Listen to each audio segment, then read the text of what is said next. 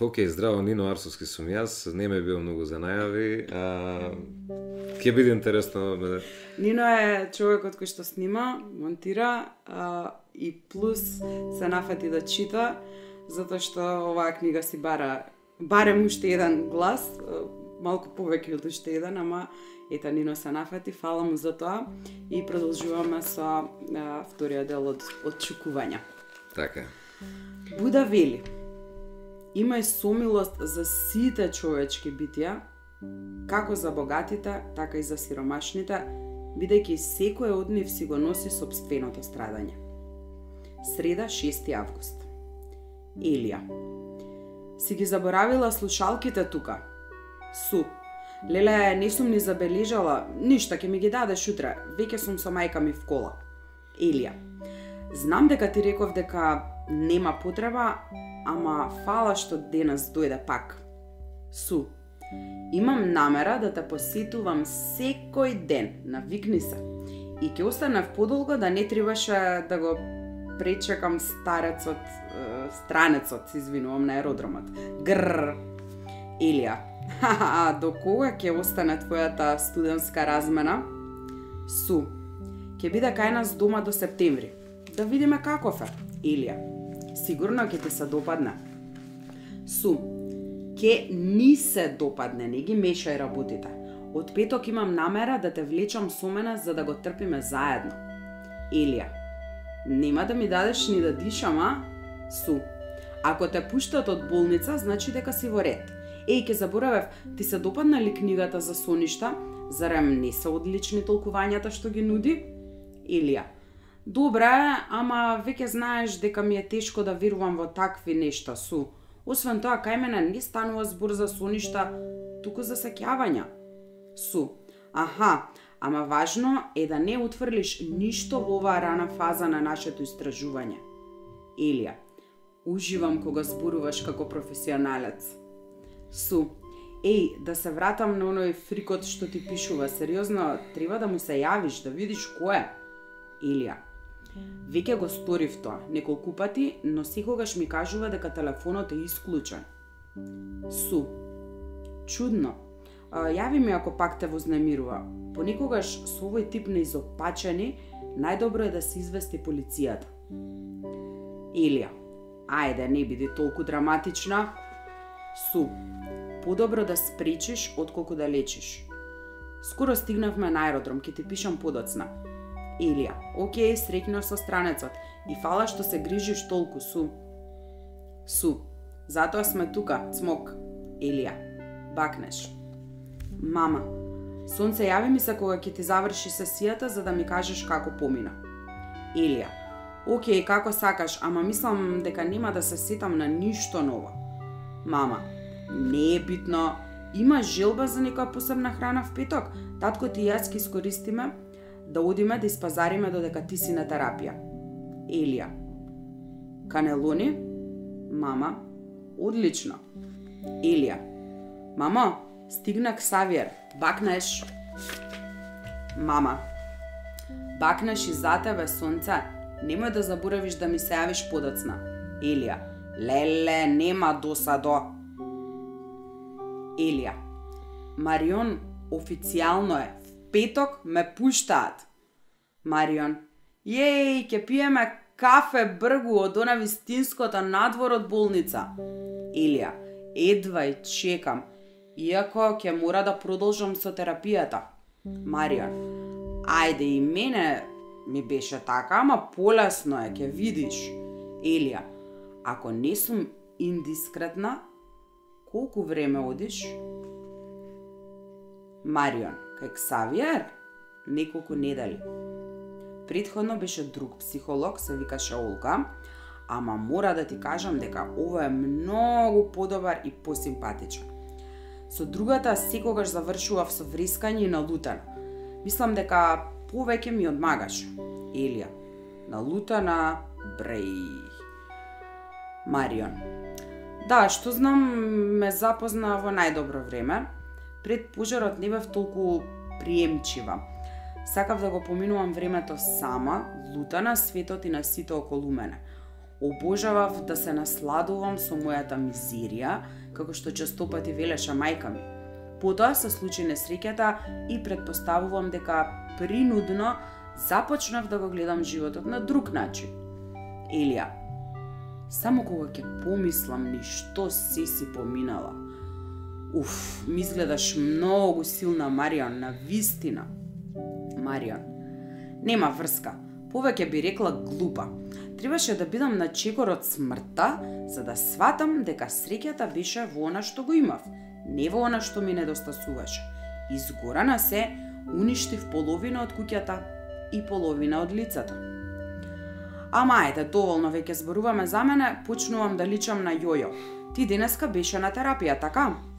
Елија, да, ама беше на вистина опуштено. Зборувавме за музика и филмови и за тоа што сакам да правам во животот. Марион. И освен тоа да бидеш режисер, што друго сакаш? Елија. Искрено, да бидам стрекна. Не барам ништо друго. Марион. Добар одговор. Исто како кога Џон Ленон имал 5 години и мајка му му кажала дека среќата е клучна во животот.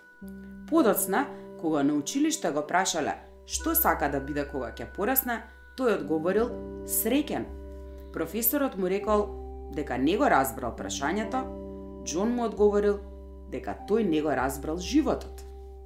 Елија, шампион Ленон.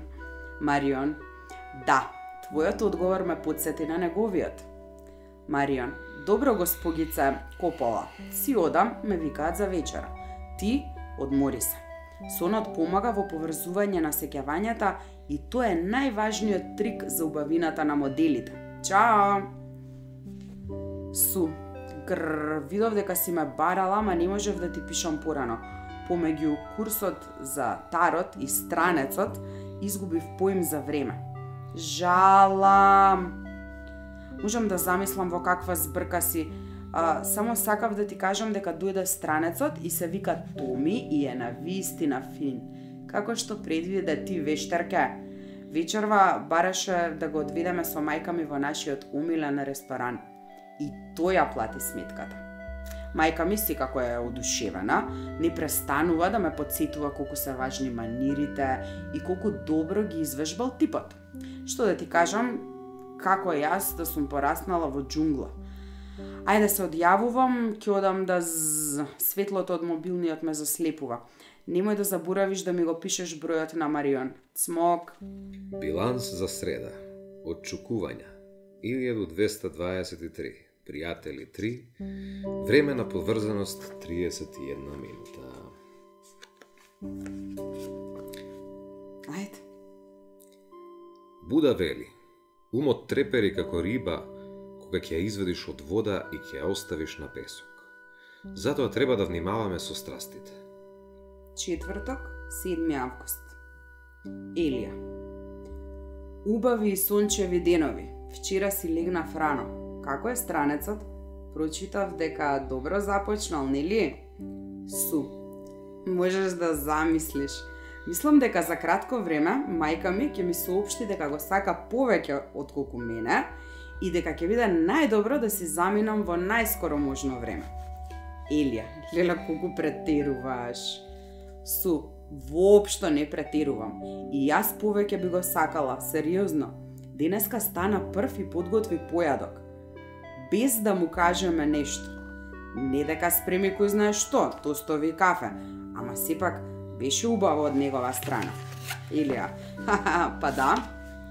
Су, Во секој случај ми се чини чудно што повторно имаме маж во куќа. Мислам дека ќе ни дојде добро. И ако го убедам да ми помогне со англискиот, може би следната година ќе може да заминам неколку месеци во Лондон без страв дека нема да разберам ни колку е саатот или кај него дома во саат. Туку ти како си? Го спремили куферот зутра? Елија. Се уште не, ке завршам бргу. Едва имам неколку мои работи тука. Су. Извини, Ели, морам да те оставам. Мајка ми сака Томи и јас да и правиме друштво во самопослуга, за да го организира малку менито во наредните денови. Гледаш, сега се чини дека може да гласам за вакви работи. Цмок, Елија, помини си убаво и поздрави ги мајка ти и дечкото, иако се уште не ме познава. Бакнеш. Феникс, не дозволувај му на животот да те обесхрабри. Сите стигнале таму кај што се започнувајќи од каде што биле. Елија, мислев дека си ме заборавил. Мислев дека ќе ме блокираш. Ти функционира ли оваа тактика при флиртување? Да праќаш духовити фрази и да почекаш девојката да се влюби во тебе. Никој не реше дека сакам да флиртувам со тебе и се сомневам дека некој ќе се влюби во мене, затоа што знам поговорки и афоризми. Да беше толку едноставно, веб страниците на познатите ќе беа позафатени отколку оние за состаноци и верувај ми, не е така. Кажи ми барем дали успеав да те насмеам? Извини, ќе мора да се потрудиш повеќе. Значи ли тоа дека нема да ме блокираш во блиска иднина? А значи дека во последно време не е толку лесно некој да ме насме. Жал ми е што го читам тоа. Сакаш да зборуваш за тоа? М, со еден непознат? Зошто? Зашто ќе ми послужи некој што не сака да ми каже кој е или од каде ме познава? Еден тип кој не знам ни дали си машко, Машко сум, машко. Хм, а што е со се останато? Како се викаш? Феникс. Тоа ти е вистинското име. Тоа е псевдоним, лага. Може би тоа е случајот и со Лија? Елија. Ни ти се чини малку неправедно да знаеш работи за мене, а јас да не знам ништо за тебе? Всушност, не знам толку за тебе, Елија. Секако би сакал да знам многу повеќе. А ако си некој перверзен старец кој што туку го открил интернетот па завидува деца наоколу, Не сум, ќе треба да ми веруваш. зошто? Затоа што двајцата си требаме еден на друг. А јас веќе имам пријатели со кои зборувам фала. Освен тоа, сакам да сум сама. Понекогаш го мешаме чувството за потреба да бидеме сами со она за потребата за соодветна личност. И ти мислиш дека си соодветната личност за мене? Види, а, не знам кој ти го дал мојот број кој ти кажал за мене, ама не сум тука да зборувам со непознати. Никој- Жал ми е. Никој не ми кажал за тебе. Па тогаш, како ми го знаеш името или дека сум во болница? Едноставно знам. Нештата не се знаат туку така. Тогаш може би има моки. Види, а, сега се чини дека си видовит. Јас пак ја имам моќта да исчезнам. Види колку е лесно. Абракадабра. Елија се исклучил. Елија, заврши со вечерата, може да ти се јавам дома. Важно е. Су. Или, почекај секунда да видам. Мајка ми зборува на фиксниот и ми се чини дека ќе се задржи. Што се случува? Добро ли си? Да, да, добро сум, уживај. А, само наеднаш се ситив на нешто и мислам дека се однесува на деновите што ги заборавив. Су. Некој детаљ? Супер. за што станува збор? Нечие лице? нечие глас? Некоја порака? Елија. Еден мачор, еден мачор кој излегува од едно јаболко, поконкретно. Су. Хм. Елија. Знам, знам. Може би воопшто не е од тие денови и станува збор за некој сон или нешто слично. Читајки што пишувам, се чувствувам смешно. Јасно е дека е некоја глупост. Су. Не, не, женска, не се откажувај толку бргу. Признавам дека не е нешто многу, нормално, ама барем имаме нешто од кај да започнеме. Илија. Нешто од кај да започнеме, ама нема никаква смисла. Су. Па заедно ќе ја најдеме смислата. Опиши ми ја најпрвен сликата со секој можен детаљ. Елија. Сигурна ли си? Су. 100%. Елија. Па, станува збор за црвено јаболко, огромно, со една дупка во средина.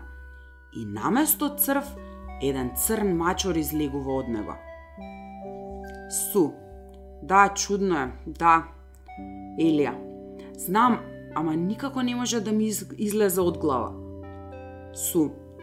Јасно е дека мора да значи нешто, ако се сетиш на што било друго, јави ми. Во меѓувреме, ќе ги погледнам моите книги за толкување на соништата. Елија, сериозно? Су. Види, кој знае, утре ќе поминам до библиотеката за да истражам. Освен тоа, мислам дека мајка ми има некоја книга за психоанализа. Може би ќе најдеме нешто во неа. Остави се на мене. Иако сега може би ти се чини дека е невозможна глупост, сигурна сум дека сите делови ти се во главата. Само треба да ги пронајдеме. Елија, дај Боже су, фала ти што си тука за мене. Бакнеш. Биланс за четврток. Очекувања 2181. Пријатели 2. Време на поврзаност 40 минути. Ти си. Буда вели, твоја задача е да откриеш која е твојата задача и потоа да ја се посветиш со сето срце. Петок, 8 август. Марион. Последна терапија прида да ти дозвола да киднееш. Елија. Да, подобро што е со тебе. Не знаеш колку се досадни индивидуалните. Марион. Ке поминам да те соберам за кратко, другар. Ке одам да го фатам метрото. Елија. окей, до скоро, Марион. Феникс. Може да престанам да се преправам дека не гледам дека си поврзана? Елија. Да, ама не се навикнувај, затоа што е нешто привремено. Здраво уште еднаш, Елија. Што смислуваш? Одлучив да откриам кој си. Од мегионишар до детектив. Не знам дали ми се допаѓа таа промена. И како ти тече истрагата? Се уште е рано за да се извлечат заклучоци. Само да знаеш дека јас не верувам во предскажувачи. Сите имаат трикови. А кога би ти кажал дека може да те видам ако ги затворам очите? Кафеава коса, нежно обрановита, овално лице со италијански нос, што те карактеризира. Многу суптилен начин да ме наречеш носло. Добро, исцртани усни, навикнати на смеење, големи и темни очи, способни да видат нешта што кој скоро никој друг не ги гледа. Тој опис одговара за милион девојки. Да, ама немаат сите бенка во форма на солза на левиот образ. А, размислувам за идејата да повикам полиција. Знам дека нема да го сториш тоа. Чувствуваш премногу голема љубопитност. Кажи ми кој си и од каде ме познаваш. Не сум никој, само еден дух пријател. Ако не ми кажеш кој си, барем кажи ми што бараш. Предпоставувам дека истото како и секој друг. Среќа, да му дадам смисла на ова лудило. Љубов. Ама немој погрешно да ме сватиш. За сега е единствено нешто што сакаме да се допишувам со тебе, ако ми го дозволиш тоа. Под еден услов, да ми одговориш на три прашања. И како ќе знаеш дека не те лажам? Нема да знам, ама мора да бидеш искрен. Договорено. Три прашања. Со да и не одговори, но под еден услов. Да не ја играме повеќе оваа игра. Договорено? Добро, прво прашање. Дали си од моето училиште? Не. Од болницава си? Ни од таму. Ти останува само едно прашање. Тоа не беше прашање. Одговори за тоа што сакаш. Туше, ти остануваа две. Ме познаваш? Да. Тогаш и јас те познавам. Дали е тоа прашање? Треба ли да биде? Те познавам? Е, не баш. Тоа е замка. Што значи не баш? Промената е секогаш неопходна, освен ако ставаш макнота од 50 во, бан... во кафемат и не ти се враќа кусур. И од каде сега тоа? Те запозна во некоја пригода? Сакам да мислам дека е така. Да или не? Ајде без полуодговори. На училиште, зарем не? Не, не, не на училиште. На крај и не е толку важно тоа, затоа што јас не сум оној што бев. Веќе не си оној што бил. И што значи тоа? Веќе е едно. Мора да те оставам. Почекај, ќе ме блокираш? Ќе ми ја кажеш ли вистината? Јас никогаш не би те лажал, Илија. За сега нема да те блокирам. Сигурно на вистина сум полудела. Сите возвишени души имаат делче лудило. И твојата е таква. Каков поет си, Феникс.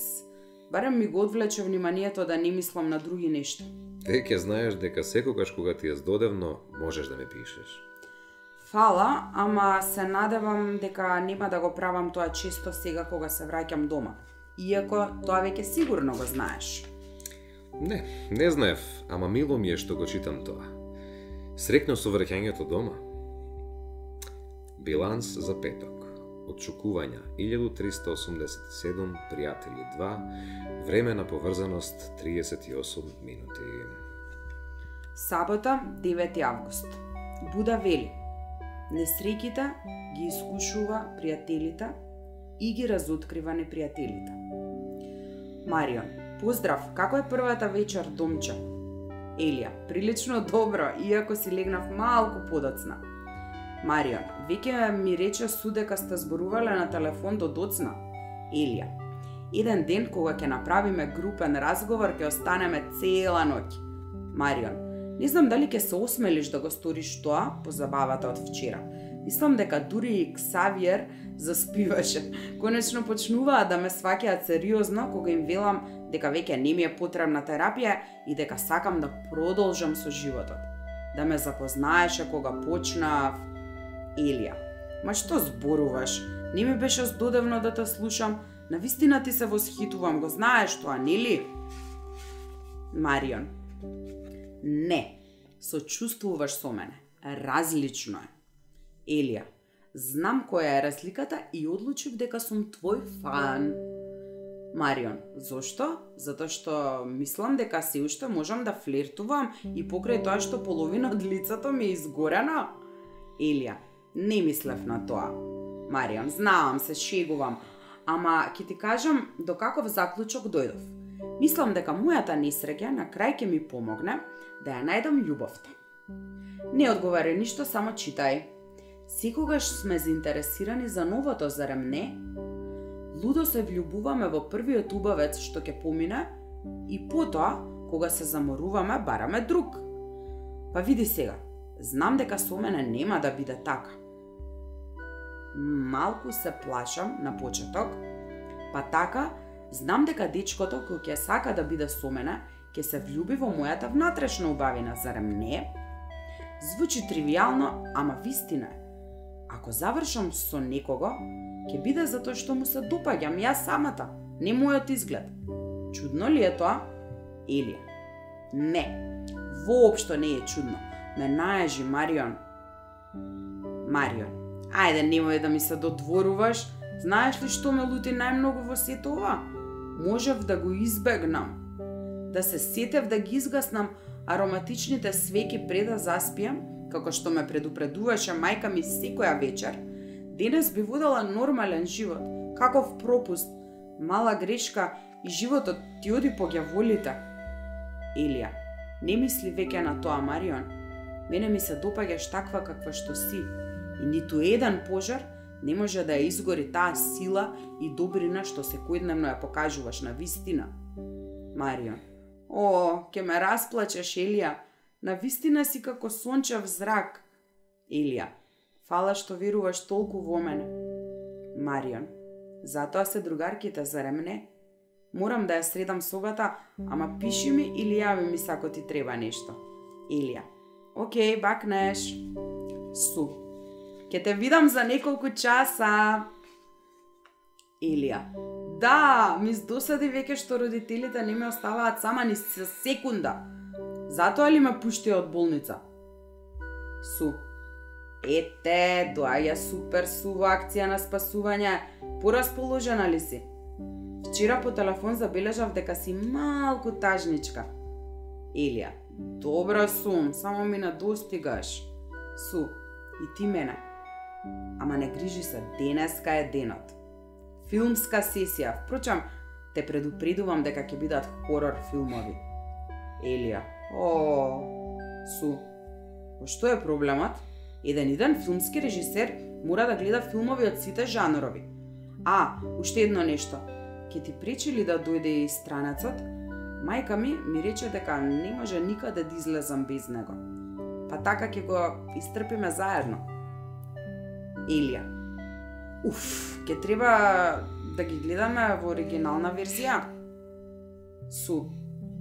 Ха, Дечкото зборува скоро совршен шпански. Освен тоа, дојде тука за да научи, зарем не? Елија, колку си лоша, што и да предпочита тој, мене не ми пречи. Су, во ред, ке одлучиме подоцна. Но сам смокви, квики, пуканки за во микро и семки. Да живеат здравите грицки.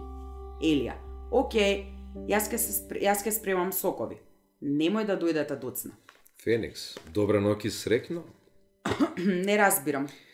Го гледам сега тој филм. Джордж Клуни само што изусти една добра фраза. Стравот се вселил во оваа соба. Илија, интересно, јас имам филмска вечер. Случајност? Ах, секако, ќе заборавев дека можеш да ми ги читаш мислите. Би била случајност кога не би го правил истото скоро секоја вечер. И не излегуваш никогаш? Ке мора да те напуштам. Звонат на врата. Уживај во филмот. Илија, почекај. Само едно нешто. Ти благодарам што не ме блокираше. Ако постојам на некој начин, тоа е поради тебе. Ама не сакам да се чувствуваш присилена да ми одговараш на пораките. Затоа што нашиот следен разговор, ако има следен, нема да го започнам јас. Ако сакаш да зборуваш со мене, ќе мора да превземеш иницијатива. Океј, разбирам. Добра ноќ и среќна. Биланс за сабота, очекувања 1139, пријатели, тројца, времена поврзаност 24 минути. Ние се поврзуваме во следното видео. Поздрав!